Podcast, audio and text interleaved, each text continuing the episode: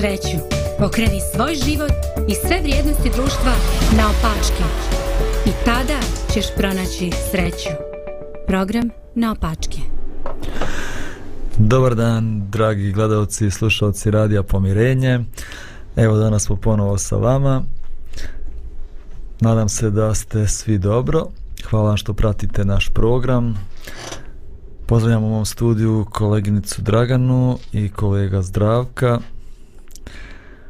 Danas ćemo da razgovaramo o jednoj neobičnoj temi. Tema se zove Slon u kući. Ja sam zamolio Zdravka i da vam pokaže jednu sliku. Evo vidi se, ne znam sada na koje od ove četiri slike misliš, ali ovaj, o, a evo tu je od prilike se vidi. Ok, slon u kući je u stvari jedna metafora koja govori, evo ovdje možete vidjeti ovo slici, ovo dvoje ljudi sjede, rade svoje uobičajene stvari, kao da je sve normalno u njihovom životu, kao da nikakvih problema nema, a ono slon sjedi tu pored njih. Kažem, to je jedna metafora za neki problem u društvu koga su svi ljudi svjesni, ali svi se pretvaraju da problema nema i žive nekim svojim normalnim životom.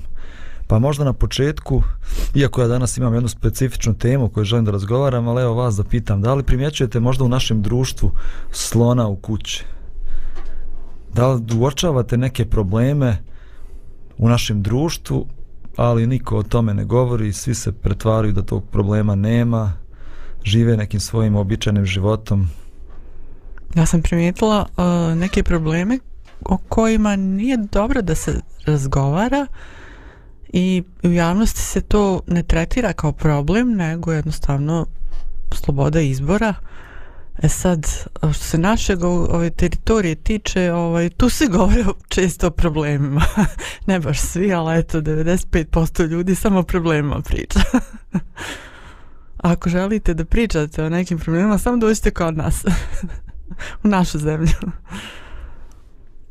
Da, ljudi pričaju, pričaju o problemima svaki dan, ali sad razmišljam o tome da li postoji neki problem o kome ne vole da pričaju ili ne znam, neki slon a ono nema slona Zdravko, šta ti misliš? Pa evo, moja asocijacija je da su ovaj roditelji onako eh, previše okupirani da svojoj djeci uh, obezbijede ovaj, uh, ono što im je potrebno za život i to je naravno prirodno i tako je od uvijek, od kad je svijet. Ali ovaj, vjerujem da smo došli u neku situaciju gdje se uh, odgoj te djece prepušta medijima, prepušta uh, školi, čemu sve, ovaj možda i ulici, a da ovaj polako procenat onoga što ovaj u psihu, u životu, iskustvo djece ugrađuju roditelji da se u odnosu na sve ovo drugo smanjuje. Ovaj, I nekako ovaj kao čini mi se da bi to moglo ući u tu kategoriju koju ti spominješ. Dakle, ovaj e, prepoznaje se, ali se ne baš e, ne često se ne govori o tome. Mm Hvala ti. Uh, pa ima, ja mislim, puno stvari kod nas u društvu. Evo, baš kad govoriš o tome. Evo, svi smo mi svjesni da ti mobilni telefoni nisu dobri za djecu, ali svi to imaju, svi to rade i šta ćeš, moraš da. iti svom djetu da daš. Uskrati mu. ti mu uskrati. I bit će pa čudovište u... iz ormara. Pa da. A onda povezano s tim otuđenost u društvu. Znači, svi mi visimo na tim telefonima, a ne znamo ni prvu komšiju kako se zove slon u kući ogroman, ali eto, niko ne govori, svi se pretvaraju kod da je sve super. I tako postoji mnoštvo stvari, korupcija na primjer, gdje god odiješ moraš da platiš, potplatiš, podmitiš, ali navikli smo na to, pa onda i mi se pretvorimo u to isto čudovište.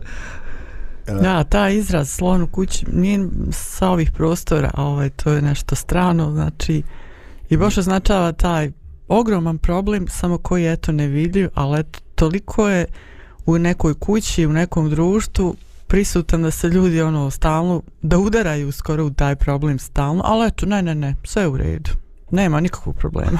Mi imamo onaj slom u staklenskoj radnji, to je nama Aha. bliže malo. da, da. Ovaj, ali, ali očito je kad gledamo na istok i na zapad ovaj, šta sve spada u kućne ljubimce ne bi me začulo da neko iz slona uvede ako ima dovoljnu kvadraturu jer ja stvarno sam osim oni svi neki guštera i tako vidio da ljudi uvode i pitone i majmune i prasiće i ne znam šta sve ne može biti kućni ljubimac tako da ovaj ne znam u kakvom svijetu živimo ne bi me začudilo Dobro.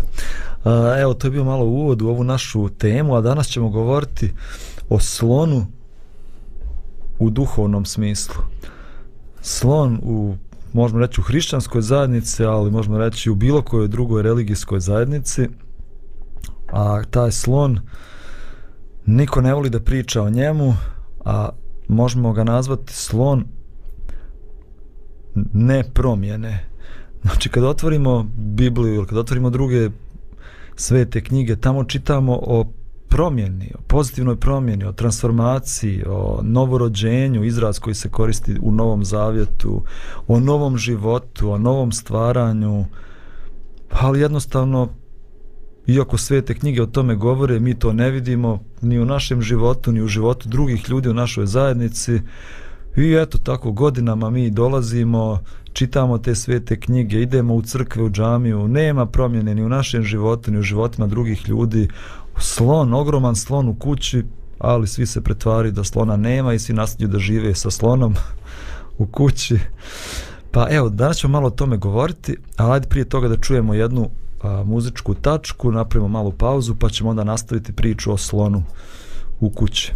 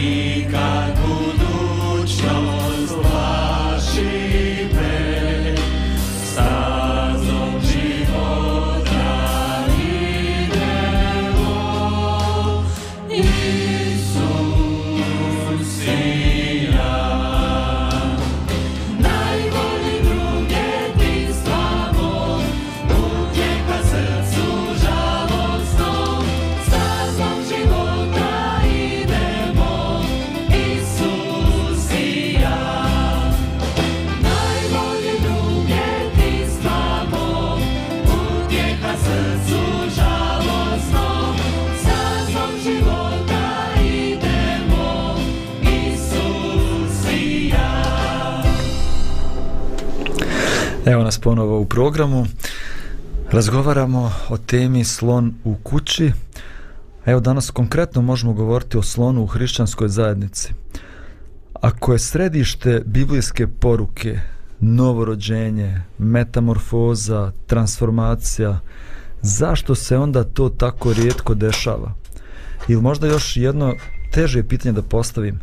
Ne samo da što se to ne dešava, nego mi ne očekujemo da se dešava. Mi kažemo, on je ovakav, on je takav i mi uopšte ne očekujemo da se promjena dogodi u životu nekog čovjeka.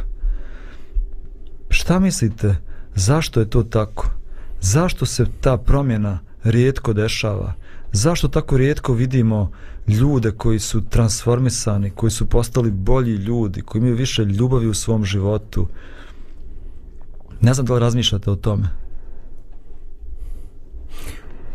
Pa razmišljam Božo ovaj e, o tome nisam siguran da je da je ovaj problem jednostavno jednostavan u toj mjeri da kažemo da toga nema. ovaj, ali mi je na tragu onoga što ja vidim tvoja izjava da mi ne očekujemo. Znači, kad nešto ne očekujemo da vidimo, nismo ni otvorenih očiju kad se to pojavi da to konstatujemo.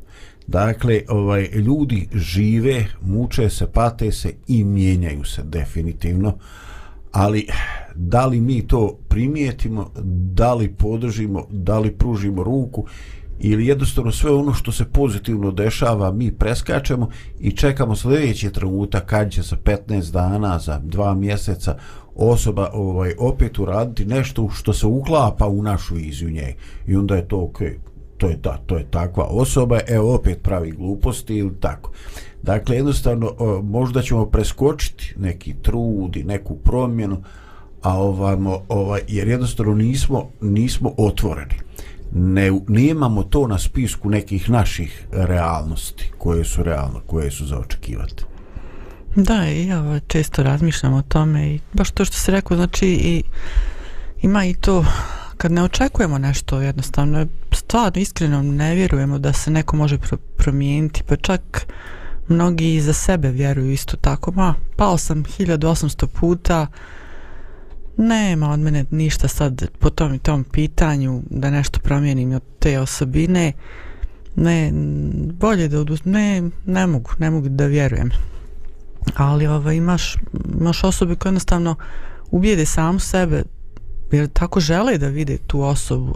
Ma nema od te osobe ništa, ne, ne, ne. Ona je neuspješna u tome neće nikad se promijeniti ovo i ono. I jednostavno, sumnjam da neko za sebe tako baš želi, ali za druge možda jednostavno to je neka utjeha kad vidimo da neko je ovaj, neuspješniji od nas. Tješimo se da, našim neuspjesima. Tuđim neuspjesima. Tuđim neuspjesima. Ovaj, vidite, ima u svetom pismu ona izraz mod žele etiopljanin promijeniti svoju kožu i ris svoje šare. Što na jedan gotovo nedvosmisleni način sugeriše kad se radi o prirodi da tu čovjek ne može uraditi ništa.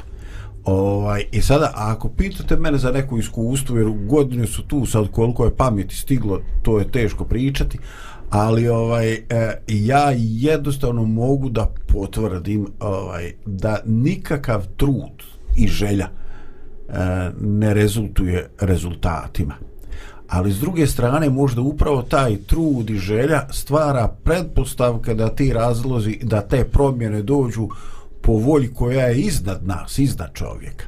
I ovaj, da, ja sam svjedočim, ovaj, e, bilo je promjena u mom životu, bilo je promjene i prirode, neke stvari su se totalno okrenule, ali iskreno, to nije bilo zato što sam stiskao zube, zato što sam se razočaravao u sebe, zato što sam plakao, zato što sam imao neke vježbe volje, ovaj e, ništa mi nisu pomogli ni zaludni teološki tješioci koji su pričali eto Bog ima snagu samo je potrebno da ti hoćeš pa kajem hoću je normalno daj me pusti da treba da se ubijem da kažem da hoću dakle e, jednostavno nije išlo ali ide e, u neko svoje vrijeme kad to najgore hoće i to se desi i, i što kaže i neki put i ne znaš kad se desilo, ali se desi. Mm -hmm. Dobro, hvala. Ja imam taj stih koji si citirao, možda ćemo ga u sljedećem segmentu malo detaljnije porazgovarati o njemu. Uh, u svakom slučaju svako želi, očekuješ da ne znam kad neko kad neko upozna Boga u svom životu i krene u crkvu ili krene u džamiju da dolazi da želi neku promjenu u svom životu. Ali, nažalost, realnost je da se te promjene ne dešavaju tako često. Neke pozitivne promjene. Uh, pa, ja volim u ovom smjeru Isus citira, Isus govori jedan tekst koji se odnosi na religiozne ljude njegovog vremena i kaže im ovako teško vama književnici i fariseji licemjeri što čistite s polja čašu iz dijelu, a iznutra su pune grabeža i nepravde. Fariseju slijepi, očisti najprije iznutra čašu iz dijelu, da budu iz polja čiste.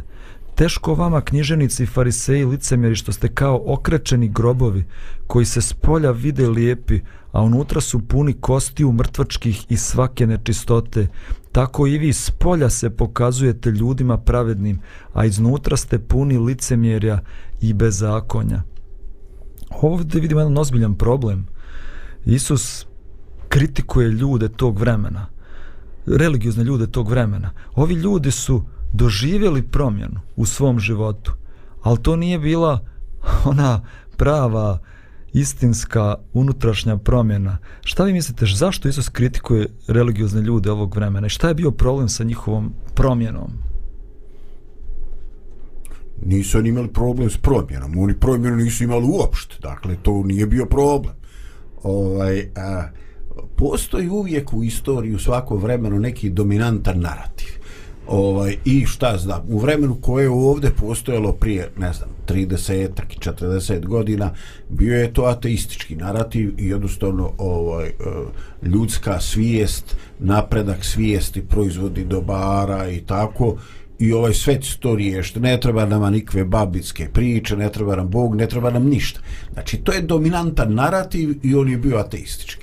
I onda je polako u sve ove naše narode, ovaj polako je postao domaći i narativ uh, religioznost. I onda je to, brate, postalo popularno. E sad, šta je problem? Problem je što ljudi uh, prihvataju nešto što je dominantno i što je poželjni oblik ponašanja. Odjedan put on je to. Ali ovaj uh, često nema Boga u tome. Znači, ovaj, e, sve se svodi na jedan e, sistem, na jedan način razmišljanja, na nešto što je maltene politička korektnost. Dakle, prije je bilo poželjno da budeš ovakav, onakav, sad je poželjno da si ovakav i ljudi se, ovaj, e, ljudi se usmjeravaju na te vanjske manifestacije, na vanjštinu. A ovaj, sa suštinom, sa susretom svojim bićom, ovaj Bože, čini mi se da ćeš priznati da to nije ni malo mali zahtjev, da je to prilično, prilično veliki zahtjev u smislu ljudske zrelosti, duhovne i svake druge. A da, u svakom čovjeku ovaj, postoji ta, ta želja da pripada negdje, da bude prihvaćen. I ovaj, to je jedna vrsta ispoljavanja, to što ste ispomenuo te farseje, to je njihova isto vrsta ispoljavanja i te želje, ali pogrešan način ispoljavanja, znači i svi mi nekad činimo te greške. Ovo, jednostavno želim, promijenimo ponašanje da bismo se uklopili u društvo i da bismo se ugodnije osjećali, mislim, ko od nas želi da se neugodno osjeća. Ali to je normalno. Pa to je uobičajeno, i, ali, ali nije... Nije, nije dovoljno. Nije, nije najbolja stvar, zato što jednostavno štetiš samom sebi, uh, najviše sebi štetimo tim što, što izgradimo to izvana i onda čak kasnije sebe uvjeravamo ako ostane ta maska dovoljno dugo da smo stvarno ne, nešto bolje postigli. A onda drugo je što i drugima nismo dobar primjer u pravom tom životu kakav treba da bude. Mm -hmm. Dobro. E, znači možemo da kažemo da svako ljudi, religiozni ljudi žele promjenu ali često se dogodi da kad dođu u neku duhovnu zajednicu, promjena koju tamo traže od njih je spoljašnja promjena. Uh, kako se oblačiš? Moraš da promijeniš način svog oblačenja. Šta jedeš? Moraš da promijeniš svoj jelovnik. Postiš. Uh, ili uh, rječnik sad psovo si puno, ne znam, koristio si takav riječnik, sad više nemoj to da radiš. Moraš manje psovati. Moraš manje, manje ili nemoj uopšte da psuješ. I tako sva ta promjena se u stvari, uh, sva ta promjena je u stvari spoljašnja promjena. Zašto je nama lakše da se fokusiramo na tu spoljašnju promjenu? Nekad smo mi zadovoljni, evo, ja sam drugačiji čovjek, evo sad više ne oblačim se ko što sam se oblačio, ne jedem ono što sam jeo, Pa ja ne govorim više takve ružne riječi ko što drugi ljudi govore i mislim, evo, postigo sam nešto. Čak i ne piješ čač. Ili ne piješ više. Nisam napio već šest mjeseci. Mašala. Dobro, šta, šta mislite, zašto je nama lakše, mislim logično je, ali zašto nam je lakše da se fokusiramo na spoljašnju promjenu? Pa lakše nam je tako nego da za, za unutrašnju promjenu može za neke stvari treba duže vremena, da pustiš ono što držiš ovaj, da se oslobodiš e, to, to je ta riječ oslobođenje od, od čega pa jednostavno te kugle koju stalno vučemo za sobom za koju smo prikačeni i jednostavno koja nas vuče u ponor a trebamo da se oslobodimo. A ovaj, a drugo nemamo ni, ni tu silu. Što i ti kažeš, ovaj, zdravko, nema tu sad volja sad da, da utiče. Ja sam se sjetila jednog čovjeka koji se promijenio, ali, ali ranije u mladosti je ha, svojom voljom pokušao i kroz borilačke o, o, ove vještine koji, koje obuhvataju i tu religiju, jednostavno da, da svojom voljom promijeni ne samo tijelo i sposobnosti, nego da se on promijeni, ali kaže dok nisam promijenio karakter, dok nisam pustio višu silu da me mijenja, nije bilo promjene i sva što je uradio svojoj porodici, napustio je, ali završilo se sve happy endom. Uglavnom, ne možemo mi to sami. A možda, Dragana, ajde, imam potrebu da dopunim. Kaže. Pogled, znači, postoji nešto što je uh, zaista se ostvaruje određenim vježbama, drilom. Ovaj, I ljudi se ovaj uče eh, da, eh, da reaguju eh, prema jednom obrazcu. I kad se to dovoljno ovaj dobro ovaj ponavlja, onda će taj tvoj borac istočnjački veština, onako neću, kao što mi dok vozimo ne razmišljamo da treba prikočiti, da treba skrenuti, da treba usporiti pred rupom. Znači, te sve te se radnje odigravaju po nekom automatizmu, jer su kroz drill postale sastavni dio naše vještine i naših reakcija. Isto je tako moguće napraviti drillom e, da ljudi dobro reaguju u nekim konfliktnim situacijama i tako da odbiju ovaj e, neki opijat i tako. Znači sve je to moguće napraviti kroz neki super ego, kroz neko gled djelovanje u sebe i onda ti dobiješ jednu profilisanu ličnost, kaže on je on je sportista, pa on je oficir, pa on je ono, znači što pretpostavlja sveštenik da on ima izgrađenu određenu ovaj vanjštinu. Ali dakle, ovaj i to je eh, kako bi rekao, to je nešto što je lako sagledivo, lako mjerljivo. I nije loše u, u suštini ovako, uvijek ti to samo daje po sebi. određeno, em je dobro, im daje ti određeno priznanje od tvoje okoline, znači dosledan si, imaš izgrađeni identitet. Ali pitanje prirode je problematično zato što se ona e, očituje nekad samo u određenim aspektima života. Da. Znači ti ne, u, u određenim, u nekoliko situacija se ponašaš bez problema dok ne naiđe ono gde je tvoja slaba karika. Mm. I tad se pokaže I onda vulkan, bum. Da, tad se po, šta ti bi ovo, šta se dešava? Dobro. E, Znači možemo da kažemo da spoljašnja promjena može da se dogodi snagom naše volje. Mi možemo snagom volje da promijenimo svoje odijelo, da promijenimo svoj riječnik, da promijenimo čak i svoje ponašanje. Ali snagom svoje volje ne možemo da promijenimo svoje grešno srce. Pa ajde o tome ćemo govoriti nakon još jedne muzičke tačke. Kako se dešava ta promjena? Zdravko, može neka muzička numera? Naravno. Ljubav s neba sišla je Da od smrti spasi me Tebi ja zauvijek pripadam Gdje god život vodi me Duša moja traži te Tebi ja. Gospode pripadam Ljubav s neba sišla je Da od smrti spasi me Tebi ja. Zauvijek pripadam život vodi me Duša moja traži te Tebi ja. Gospode pripada. Ljubav s neba sišla je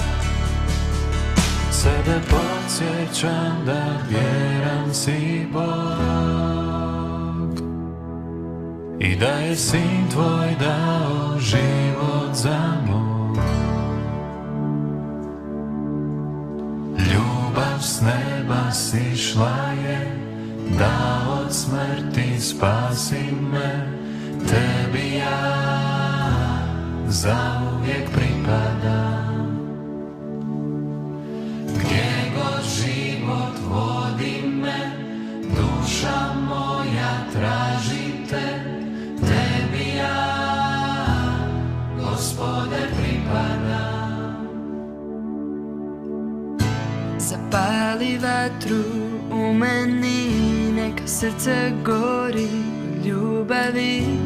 Želim više tebe Ja želim više tebe. Zapali vatru u meni Neka srce gori ljubavi. Želim više tebe Ja želim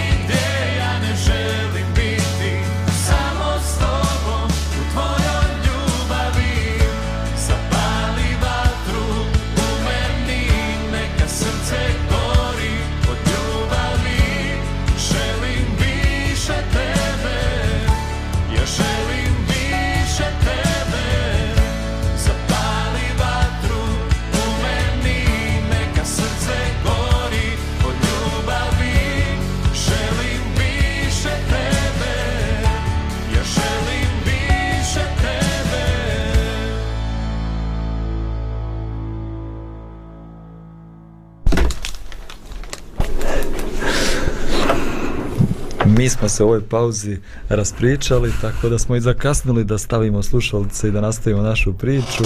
A sad opet izgledamo onako profesionalno, jel? Ali tema je bila slična ovoj o kome mi pričamo u ovom našem, u ovom našem programu danas. A, dobro, govorili smo o tome, problem je slon u kući, da promjena koju vidimo kod nas, promjena koju vidimo kod drugih ljudi, ako uopšte ima ikakve promjene, samo neka spoljašnja promjena. Promjena odijela, promjena e, riječi koje izgovaramo, promjena jelovnika, ali rijetko vidimo tu unutrašnju promjenu karaktera, srca, uma. Zdravko, ti si već spomenuo taj tekst, evo ja želim da ga još jednom pročitam, Uh, tekst iz starog zavjeta koji kaže može li etiopljanin promijeniti kožu svoju ili ris šare svoje? Možete li vi činiti dobro naučivši se činiti zlo? Možemo li? Možemo li mi stvarno da promijenimo svoje srce, svoju prirodu? Jednom sam negdje pročitao ako imaš čamac koji ima automatskog pilota i on je podešen da ide na istok, ti možeš da zapinješ, možeš da se znojiš i da okrećeš taj volan na suprotnu stranu, da ga usmjeravaš na, na, na zapad, ali on je tako podešen da ide na istok i nećeš uspjeti. Um, da li je to stvarno tako i sa našom prirodom? Zašto je tako teško da, da promijenimo našu prirodu? Pa ne znam je li teško. Ovaj, ja mislim ovaj, e, da mi jednostavno e, teško razaznajemo te granice. Ovaj, I da u životu je da bi nam bilo lakše da ih pomičemo. Šta hoću reći? Ovaj, jednostavno čovjek može mnogo toga i ako ima nekoga mentora, nekog učitelja, nekoga trenera, može neuporedivo više. I ljudi su pravili pravili su ovaj e, čuda eto ovaj u istoriji su postojali razni eh, ovaj eh, viteški redovi a, templari kod hrišćana hasasini u islamu i tako ljudi koji su spa, spajali taj neki duhovnu komponentu i onu ovaj borbenu i onaj sistem da jednostavno živiš životom uh, vježbanja, mučenja, treninga i svega. Ovaj nema niko valjda ko ne zna ovaj začuveni ovaj hram Shaolin tamo u Kini i tako gdje ljudi dolaze do nekih rezultata. Jogini spavaju neki serima. Mislim ne znam da li spavaju ili samo mogu da legnu. Ne vjerujem baš da zaspe. A ovaj znači ljudi su spremni što šta ovaj da urade i da se skoncentrišu i da stalno rade ovaj to ali ovaj eh, jednostavno ono što ti možeš da nazoveš prirodom e, to je nešto što ga više e, pritiskamo ono se povlači u dubinu i s tim ne postaje manje opasno. Ovaj, čitajući jednu duhovnu knjigu kaže kad ostaneš dovoljno sam i dovoljno u molitvi i kad napokon sagledaš srce svoje e, bit ćeš zaprepašćen idejom da se u dnu tvoga srca uh, gnijezdi guja, zmija. Ovaj, I ovo je nešto što zaista e, definitivno ovaj, zvuči grozno, jer, kaže, čovjek može mnogo da postigne, uz tuđu pomoć, asistenciju i mentorstvo može, može mnogo više, uz neki razrađeni sistem treninga u Shaolin manastiru može još više, ali to još se ne tiče onoga što, što je njegova a, priroda. Ona će čekati svoj trenutak i zronće pomoluće, pomoluće ovaj, svoju glavu. A do tada mi ćemo se truditi da pokažemo taj dio koji, nam je, koji je po volji ili koji nam osigurava neki respekt od ljudi. Vidiš, meni je ovaj vrzma se po glavi tu kad si spomenuo i ta sila koja utiče i spominjali smo tu, tu bolju, dobru silu koja može da, da utiče na čovjeka. Na, ali moje mišljenje i vjerovanje da postoji i iskusila sam to ovaj, da postoji ta druga sila koja nije tako lijepa, koja je daleko od lijepe isto utiče na čovjeka jednostavno i te stvari koje ljudi rade nisu samo njihovom voljom, nego jednostavno uz pomoć neke sile. Bivaju ohrabrene, pogurane. Pa, pogurane. Jednostavno manipuliše ta loša sila čovjekom da, da izgradi taj svoj super ego, da kaže ja sam taj koji je najmoćniji, mogu ovo, mogu ovo, mogu sve, ne treba mi niko, ništa, ne treba mi neki super spasitelj, ovo, ono, ja sve mogu to sam. I onda da čovjek kad, kad pukne u nekim stvarima onda vidi koliko je mali i nemoćan i koliko je tanan. Dragana, ti si previše, previše si u životu pročitala da, ne, da nisi svjesna koliko je ovo što ti što i ja pričam, koliko to nije u duh ovaj, eh, vremena. Jer to, dana, tog da, sam svjesna. da, ovaj, ljudi danas jednostavno žele čuti da postoji kolektivni, lični razvoj svijesti, da postoje uspavane energije, da postoje vibracije, ovo i ono, ali ono što definitivno ne žele da čuju da postoje božanske, anđelske i demonske sile. To ljudi neće da čuju jer i to podsjeća na bježanje od sobstvene odgovornosti. Hm. Dobro, ja bih volio da se fokusiramo na ove pozitivne pozitivne sile, zato što smo rekli da sami ne možemo snagom svojo, svoje volje da promijenimo sebe. Ja mogu, ja sam mnoge navike u životu usvojio, ne znam, ustajem svako jutro u 6 sati, sat vremena svakog jutra imam svoju neku ličnu meditaciju, čitam sve te knjige, čitam Bibliju, molim se Bogu, čitam neke druge knjige dobre, e, promijenio sam stvarno svoju ishranu. Ja kad sam bio na fakultetu imao sam frižider, tamo jer nisam mogao da jedem uopšte tu hranu koja se kuvala tamo. Imao sam u, u frižideru i suvog mesa i suđuka i svih tih stvari. Ajde, mašala se Ali danas jedem zdravu hranu, evo trudim se da jedem zdravu hranu, navikao sam se da jedem zdraviju hranu. Sve sam ja to nekako uspio. A prije neko jutro tako čitam i, i molim se ujutro i dođe mi samo jedna misao zavist zavidim nekom mom prijatelju ili bivšem prijatelju, ne znam nije, i tako neke negativne, negativne osobine koje vidim u sebi i onda počnem da pan, mislim, počnem, shvatam, ja tu ne mogu ništa. Ja mogu da ustanem u šest ujutro, ja mogu da vježbam svaki dan sat vremena, ja mogu sve to da uradim, ali šta da ja uradim s tom zavisti u mom srcu koja se pojavila? Pa to ja ne mogu sam da promijenim. Ja sam bespomoćan. Bespomoćan da to promijenim. Nema vježbe te kojom ja mogu da, da, uk, da uklonim zavisti svog srca. Ali zato da, evo, hoću danas da vam pročitam jedan tekst, o jedan od mnogih tekstova u Bibliji koji kaže ovako i daću vam novo srce i nov ću duh metnuti u vas i izvadit ću kameno srce iz tijela vašega i daću vam srce mesno i duh svoj metnuću vas i učinit ću da hodite po mojim uredbama i zakone moje da držite i izvršujete. Božje obećanje da će nam on dati novo srce. Ne ovo spoljašnjo što, što i onako možemo sami da promijenimo, nego ono što ne mogu ja sam da promijenim. Moje srce, moj um, moju tu grešnu prirodu, Bog hoće da promijeni, da mi izvadi to kameno srce, to grešno srce iz mog tijela, da mi da srce mesno. Kako? Se to može dogoditi, ako su to Bože obećanja, kako se to stvarno može dogoditi u našem životu? Bože, ako dozvoliš, ovaj, evo ja upravo, ovaj, upravo sam uh, prije desetak minuta uh, počeo sa tom idejom i ti me sad ovako na jedan pravi način vraćaš. A, ti si oštro suprostavio tu neku svoju samodisciplinu, ustajem ranije, čitam, molim se, preispitujem se, vježbam i šta li god i s druge strane shvatiš da ima nešto što je problem što se ne rješava na takav način. E sada, mislim da postoji opasnost da mi kažemo da između toga što je problem prirode i toga što mi u stvarnosti čiti, činimo, trudimo se, da to nije povezano. Ovaj, e, da, odavno su stari filozofi pričali su ovaj o tome, e, kaže, koliko treba čovjeku koji, da, koji baulja kroz izgubljenu pećini, koliko koraka treba da ovaj, napravi i da mu se ukaže svjetlost, da vidi izlaz iz pećine. A neko kaže, nekad samo jedan. I zaista je tako. Znači, jedan, dva koraka i za nekog kamena vidiš izlaz.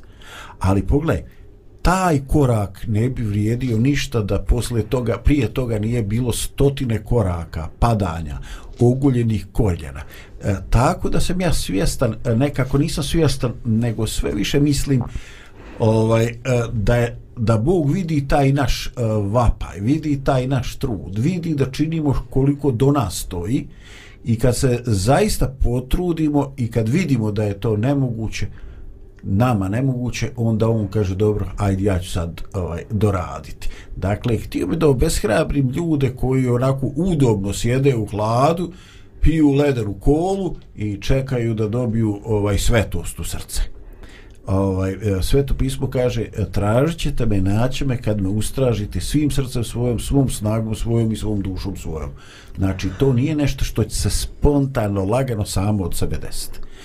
Ovi sve stvari koje mi činimo ne garantuju ništa, ali dovode nas u status poniznosti da Bog može da nam da finalni dar.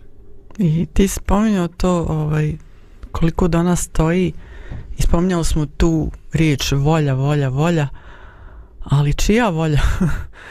I onda to što kažeš ovaj, uh, trebaš nekad načiniti dosta, dosta koraka i onda Bog vidi i tvoj trud, ali ovaj često on djeluje ovaj u, u nama samima u promjeni kad, kad se mi prestane, kad smo više umorni od truda, kad nema, kad se umorimo da pokušavamo mi nešto da ovaj da, da napravimo da, da napravimo tu promjenu i onda kad onako padnemo znaš umorni da ne kažem mrtvi umorni e onda on e sinko sad je lakše rad s tobom da te u normalim.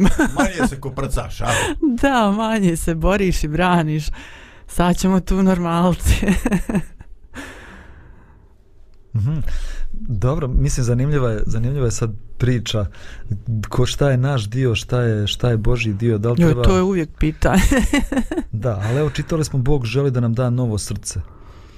Um, evo možda još jedan citat da vam pročitam. Meni je interesantan, pa da vidimo šta možemo iz njega da naučimo.